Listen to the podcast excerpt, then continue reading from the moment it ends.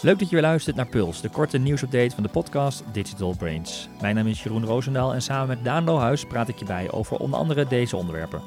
Google stopt pas eind 2023 met volgcookies en ze gaan strenger kijken naar voorraadbeheer in product feeds.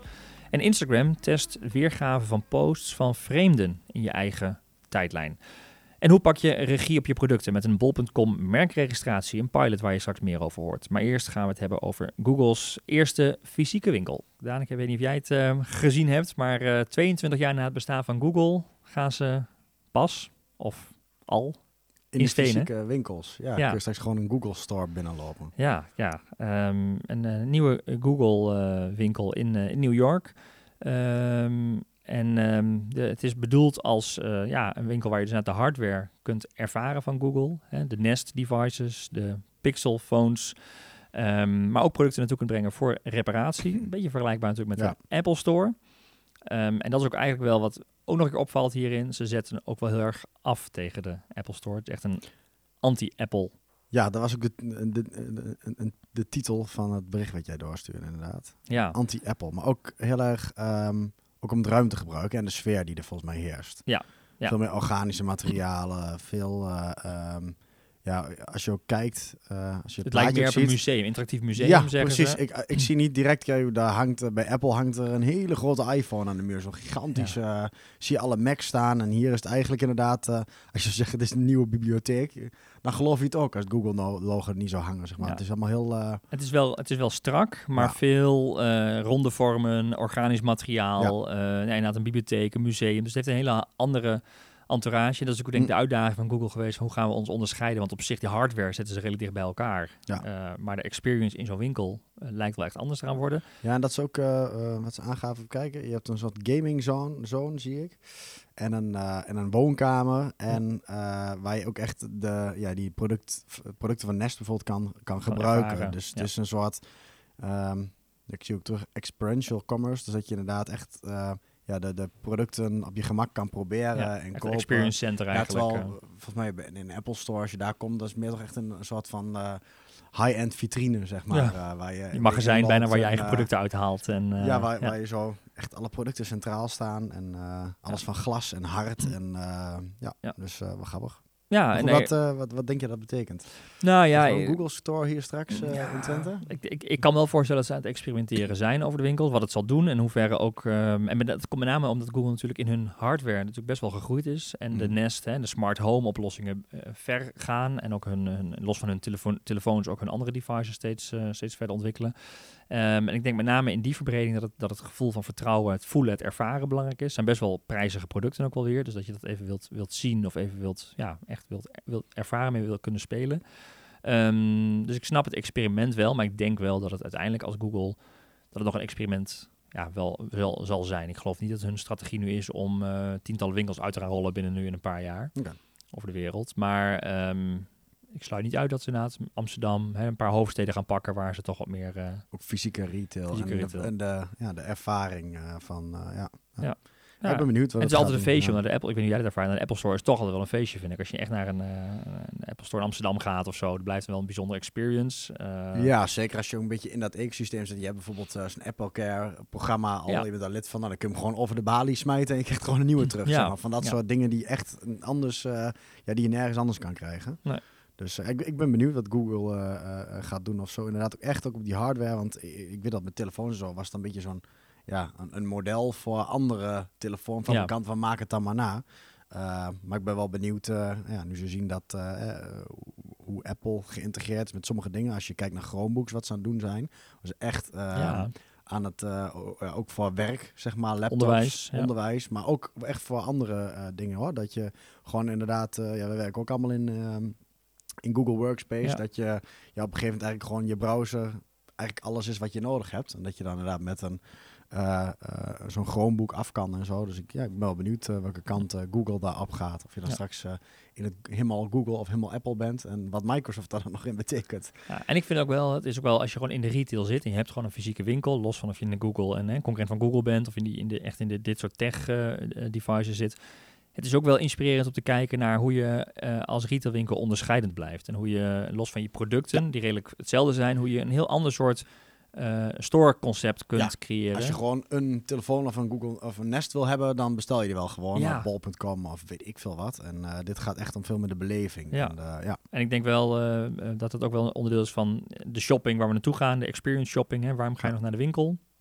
Ik denk dat dit wel een mooi voorbeeld is waar de trend waar het steeds meer naartoe gaat. En daar zit Apple misschien nog wel iets meer producten over de toonbank. Precies. En zit Google al meer op... Uh, doe een beetje denken misschien wel aan IKEA-ervaring. Dan heb je ook al die woonkamers staan. Ja. Daardoor neem je soms wel iets mee wat je los van een plank niet zou pakken. Nee, maar wat je dan zo ziet... Maar wat je, als je het in een setting van een specifieke inspiratie ziet, dat je denkt, oh wat leuk als het je het zo neerzet, dan neem je het wel mee. Ja.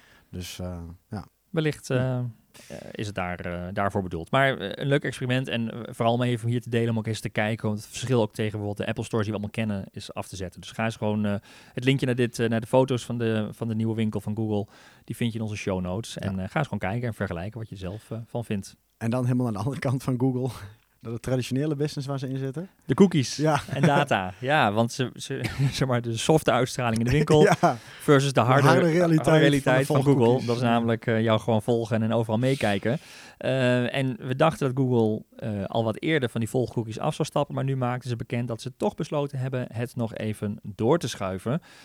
maar liefst twee jaar later dan dat ze eerder aankondigden. Ja. En het gaat dan om het, het, ja, het ondersteunen van die volgcookies in de internetbrowser Chrome ja, ehm, want eerst hadden ze gezegd, uh, daar gaan we mee stoppen. Heel dapper, want wij hebben een alternatief. Dat vlak waar we het al veel vaker over hebben gehad. Uh, en die privacy sandbox, dat zei, nou, Chrome gaan we het op een andere manier doen. Nou, daar voelde je al, overal in het nieuws was daar wel wat kritiek op. Aan de ene kant is het een betere manier dan, ehm, dan cookies. Want cookies, ja, die zijn per definitie, uh, daar is iedereen het eigenlijk over eens dat we er vanaf moeten, maar niemand weet ja, wat, dan, wat dan het alternatief is, zeg maar. En bij, in Chrome kun je nog ingelogd of niet ingelogd zijn, heb je nog meer regie. Een ja. wordt altijd geplaatst. Ja, ja. En, um, en bij dat vlakken, dat zeiden ze, dat gaan we met machine learning doen. En we gaan je indelen van groepjes van 100, 300 mensen. En daar gaan ze helemaal over qua privacy over nadenken. Maar um, ze hebben dat uitgerold. Ze waren volgens mij iets te dapper. Want daar kwam veel kritiek op. En mhm. op sommige antwoorden gaven ze zelf denk ik ook heel eerlijk toe. Ja, dat weten we ook eigenlijk niet precies. En dat heeft dan vooral te maken met uh, van die privacy technische redenen. Hoe zorg je ervoor dat je niet in een groepje komt alsnog met uh, uh, rare cohorten die niet wenselijk zijn. Zeg maar. Dus ik kan even die groepjes van 100 mensen, maar dat wordt bepaald door machine learning, die categorieën, zeg maar. Dat zijn geen menselijke labels. Maar wie zegt jij dat jij niet in een cohort komt te zitten met mensen die uh, weet ik veel wat. Uh, ja, zwangere vrouwen blijft bijvoorbeeld altijd mm -hmm. een, een, punt hè, van. Ja, uh, straks gaat Google jou in een cohort praten. Ja, jou niet, denk ik. Zou het heel verkeerd zijn? ja, ja, maar dat je inderdaad in een cohort had geplaatst. Door jouw patroon lijkt jij als ware zwanger te zijn. Zonder dat je het zelf weet. En ondertussen krijg je er allemaal advertenties voor te zien. Denk je, hoezo? Wat is dit van halve inbreuk of hele inbreuk over mijn privacy? En dat soort dingen zeggen ze, ja, dat blijft gewoon fundamenteel lastig. Waardoor het eigenlijk weer ja, soort af is geschoten. En, en er was natuurlijk, wat we eerder al zeiden, in de EU uh, waar eigenlijk uh, de um, privacy waakhond hebben gezegd van hey, fundamenteel voldoet het alsnog niet aan de GDPR. Omdat, nee. oké, je stuurt niet fysiek naar Google toe, maar dan wordt dat bepalen van jouw cohort nog steeds in Google Chrome gedaan. Mm En dat is een tool, een stuk software van Google. En oké, het gebeurt niet in de cloud, maar dan gebeurt in je browser. Die browser wordt beelden Google, nog dus nog steeds verzamelt Google privacygegevens. Ja, ja. Dus dat soort toen zeiden ze eerst dat we gaan het in Europa niet doen. En nu volgens mij uh, zeggen ze helemaal van oké, oké, oké. Schuif het even door. Ja. dit gaan we dit jaar niet meer redden. Het is wel interessant, want ik hoorde een podcast, uh, BNR's Big Five, ging uh, volgens mij afgelopen week over de toekomst van retail, ook na corona. En daar was, um, ik goed zeggen, Huub, Huub Vermeulen is dat, hè, de CEO van um, Bol.com. Mm -hmm, ja. En die zei van, de, hè, wat, wat de trend is dat je de grens van heel extreem kunnen personaliseren. Dus bijna al weten dat iemand zwanger gaat worden op basis van zoekgedrag. Hè, zonder dat hij zelf het misschien nog weet. Of misschien al zwanger is op basis van zoekgedrag. Versus ontzettend stupid uh, associaties hebben. Hè? Bijvoorbeeld, je hebt de kinderen al uit de luiers en je krijgt nog steeds luiers te zien. Hè? Ja, of, ja, uh, je, je bent heel jong, je bent 18 jaar en je krijgt luiers voorgeschoten. Hè? Dus we, we, we, willen dat hele extreme volgen, vinden we eng. Maar we zijn ook steeds meer van hoe dommer, en dat gaan we, hè? maar moet ook steeds slimmer worden. Hè? Daar zit, dat is een hele dunne scheidslijn. Um, en, en, dat zit ook een beetje in deze intelligentie van Google. Ja, hoe zorg je dat het echt goed gebeurt?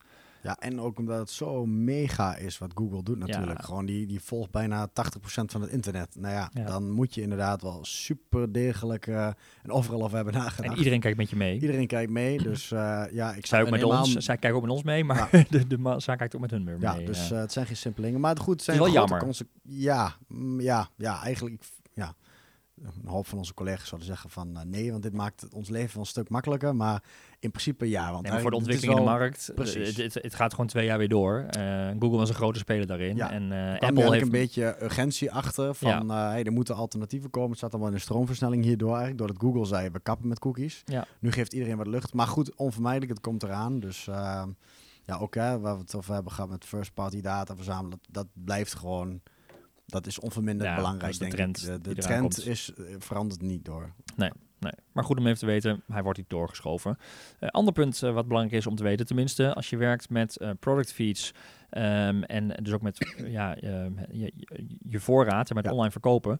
Want Google wordt daarin wat strenger. Ja. Ze gaan strenger kijken naar de voorraad van de producten die je aanbiedt. Ja, want um, uh, een, een, hoop uh, aanbieders online van producten, die hebben natuurlijk, die kennen de product feeds wel. In je merchant center heet dat dan, daar laat je ze in en vervolgens kunnen mee adverteren. Mm -hmm. Krijg je er wel bekende uh, shoppingcampagnes van en zo. Dus die je ook als je producten zoekt, krijg je gewoon een prijsje plaatje en kun je doorklikken.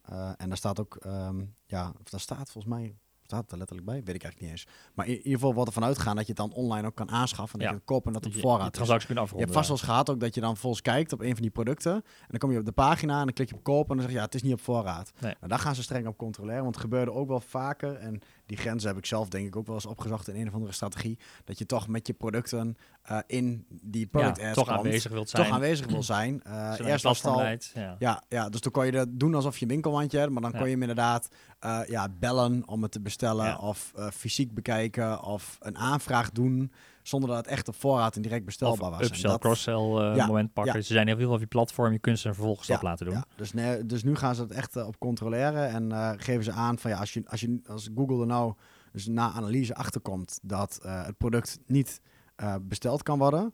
Um, dus uh, ze geven ook wat redenen. Dus een, een, een, koop, een koopbutton die grijs is geworden. Of het kan niet naar uh, het adres worden verstuurd. Of alleen maar in-store pick-up.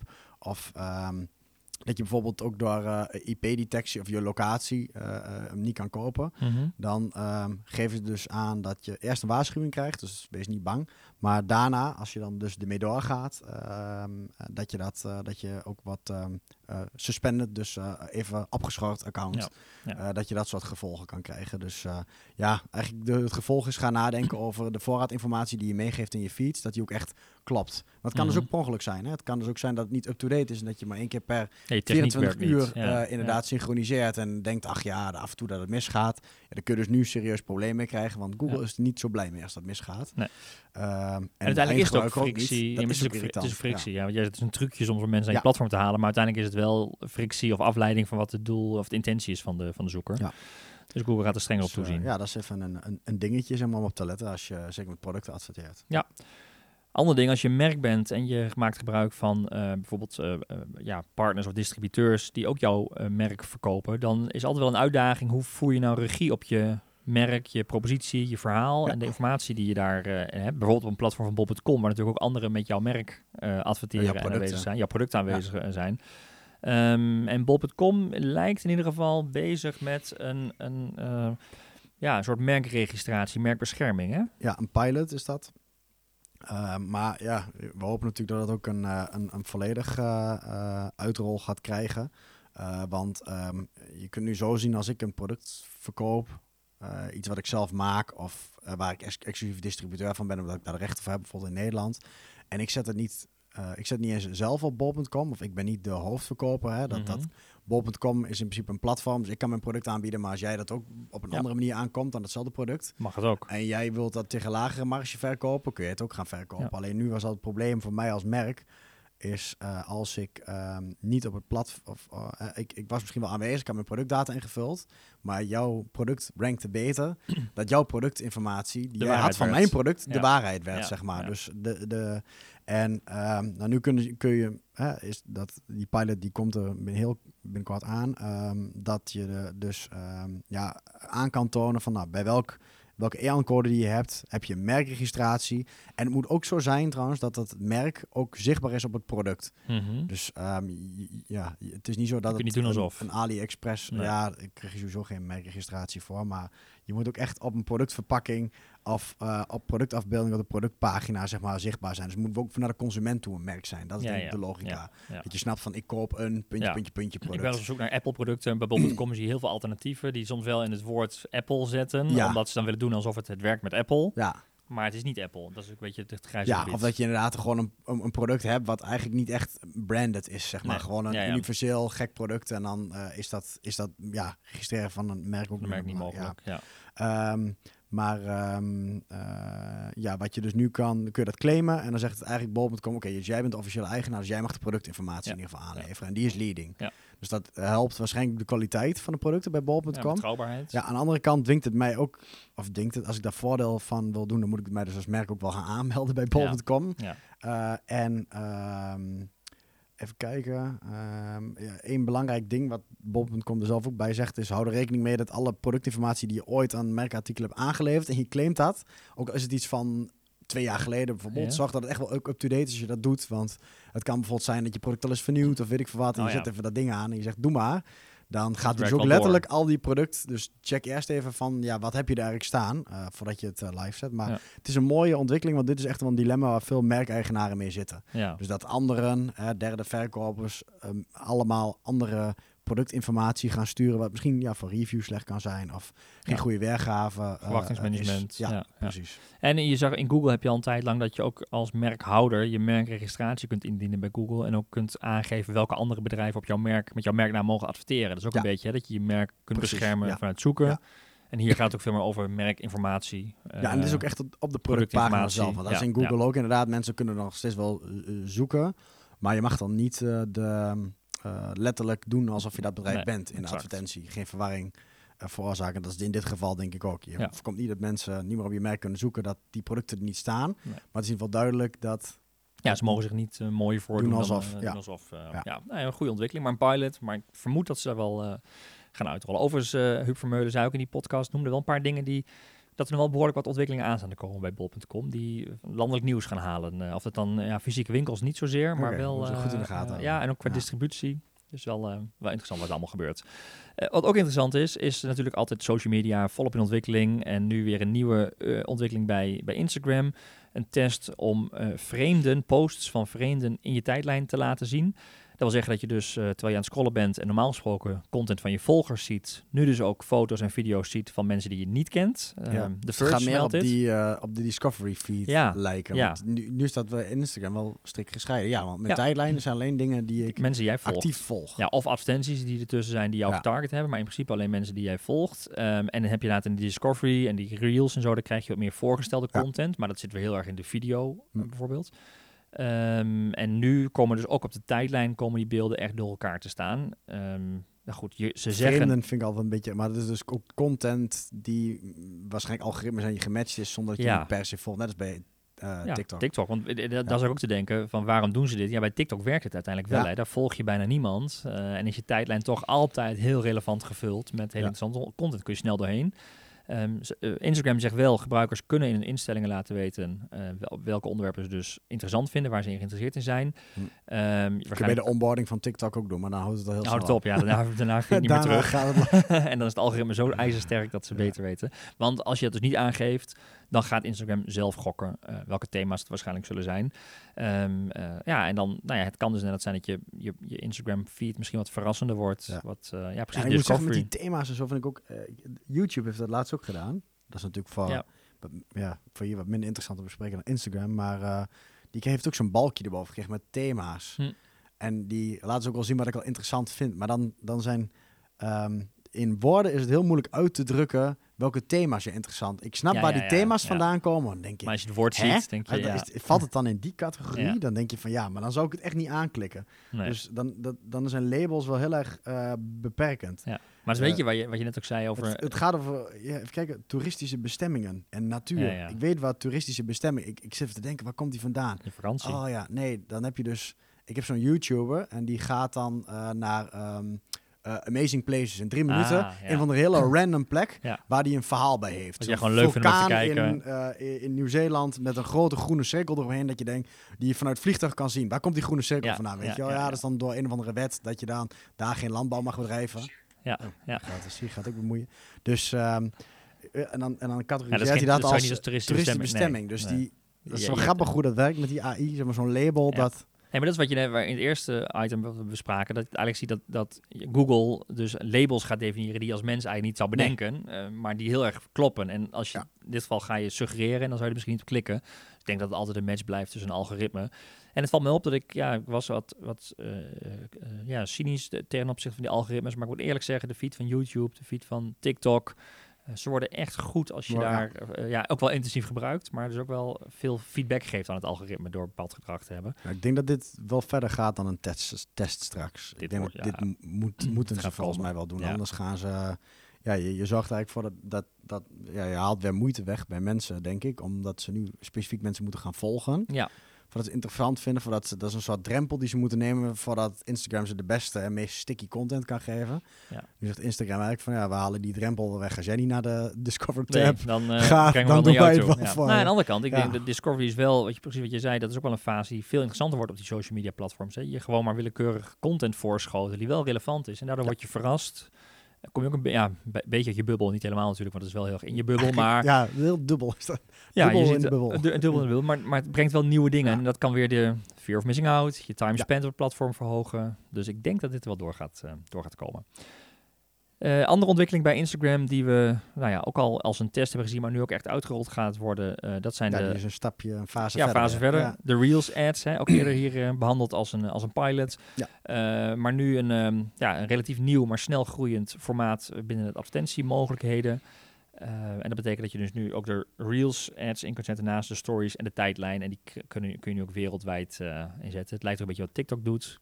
Ja, want uh, uh, ook qua advertenties. Want Reels is natuurlijk sowieso een, een rip-off van TikTok. Ja. Een klassieke Facebook, Instagram move. Gewoon uh, net als de stories ja. van Snapchat kwamen, is het gewoon Reels een exacte kopie van wat er op TikTok gebeurt. Alleen dan in je Instagram feed. Ehm, en, um, maar met ads zijn wel een, ja, echt een belangrijk gevolg voor als je ook campagnes draait op, op Instagram. Want ja, eigenlijk um, ja, iedere performance marketeer weet wel je kunt het beste zoveel mogelijk formaten van ads hebben, vooral als je je datagegevens inzet. Want dan mhm. kan het platform zelf bepalen wat het, wat het beste werkt eigenlijk. Dus eigenlijk heb je, nou stel je voor dat, uh, um, ik ga er wel vanuit dat Reels ook wel redelijk wat uh, uh, traffic trekt inmiddels. Zeker onder de jongere doelgroepen, zeg maar. Het is gewoon het, het formaat, in plaats van stories waar je doorheen klikt en een filmpje ziet, krijg je gewoon naar alle TikTok een tijdlijn, ja, een stelformaat, video. ja, eh, wat doorrolt en filmpjes van 15, 30 seconden. Ja. Ehm, en zo werken die ads ook. Die zijn echt anders dan een story ad. het is niet meer swipe up. Het is met zo'n shop now of uh, een call to action links onderin die er altijd staat met een klein toelichtingstekstje. Dus echt een ander formaat. En als je, ja, als je mee wil adverteren, je wilt gewoon ja, de beste doelgroep bereiken. Zeker op basis van resultaten van landing page views of transacties gaan sturen. Ook dat social commerce. Dan is het nu eigenlijk een soort van vereist als je nu uitingen gaat maken. Niet alleen denken, goh, wat doen we in onze tijdlijn uh, advertenties en wat doen we in onze story advertenties. Mm Moet je mhm. echt wel gaan nadenken over, hey, wat doen we in onze reels advertenties? Want dat is gewoon een heel stuk, ja, misschien wel een derde aan volume wat er ook bij komt. Nou, er is een dus, doelgroep uh, die zich daar veel meer begeeft en die je nu ja. eigenlijk met alle andere uitingen mist. Ja, en door dit nu in te zetten, is daar beschikbaar. Dus uh, ja, dat is gewoon hoe groter, ja, hoe, hoe, groter het bereik, hoe beter je advertenties presteren. Ja. En hoe meer je test. En, en bovendien moet je het ook, het formaat ook, um, ik denk als als, als je een, creatieve bent en je moet advertenties maken, ja, ja. moet je ook gaan proberen experimenteren van ja, wat werkt daar nou lekker? Het is andere content weer. Het is weer echt, ja, ja, het is net als uh, ja, in het verleden deden mensen dat ook gewoon tijdlijn kopiëren naar stories, zeg maar. Dat, dat werkt tot op zekere hoogte, maar de best presterende stories ads zijn echt wel op zichzelf staande. Uh, ja, uh, echt wel op zichzelf staande creatives die net iets anders werken dan een, dan een tijdlijn advertentie. Zo geldt het voor Reels, denk ik ook. Ja. Nou, eh, wil je weten hoe dat precies zit, uh, hè, wat, wat de Reels ads zijn? Ik kan me voorstellen dat je het term al een keer gehoord hebt, maar er misschien nog niet helemaal in zit. Um, of ben je benieuwd uh, naar bijvoorbeeld hoe dat eruit ziet als er vreemden in je tijdlijn komen op Instagram? nou, of alle andere onderwerpen die we hiervoor bespraken, dan vind je meer informatie um, in onze show notes. en die show notes van deze aflevering vind je op advice.nl slash podcast. En heb je tips, vragen, reacties, ideeën? laat het vooral weten via podcast.advice.nl of de social media kanalen van Advice. En uh, op de hoogte blijven van alle ontwikkelingen in ons vakgebied. Abonneer je dan op deze podcast in je favoriete podcast-app of via Spotify of YouTube. Voor nu weer heel erg bedankt voor het luisteren en heel graag tot de volgende aflevering.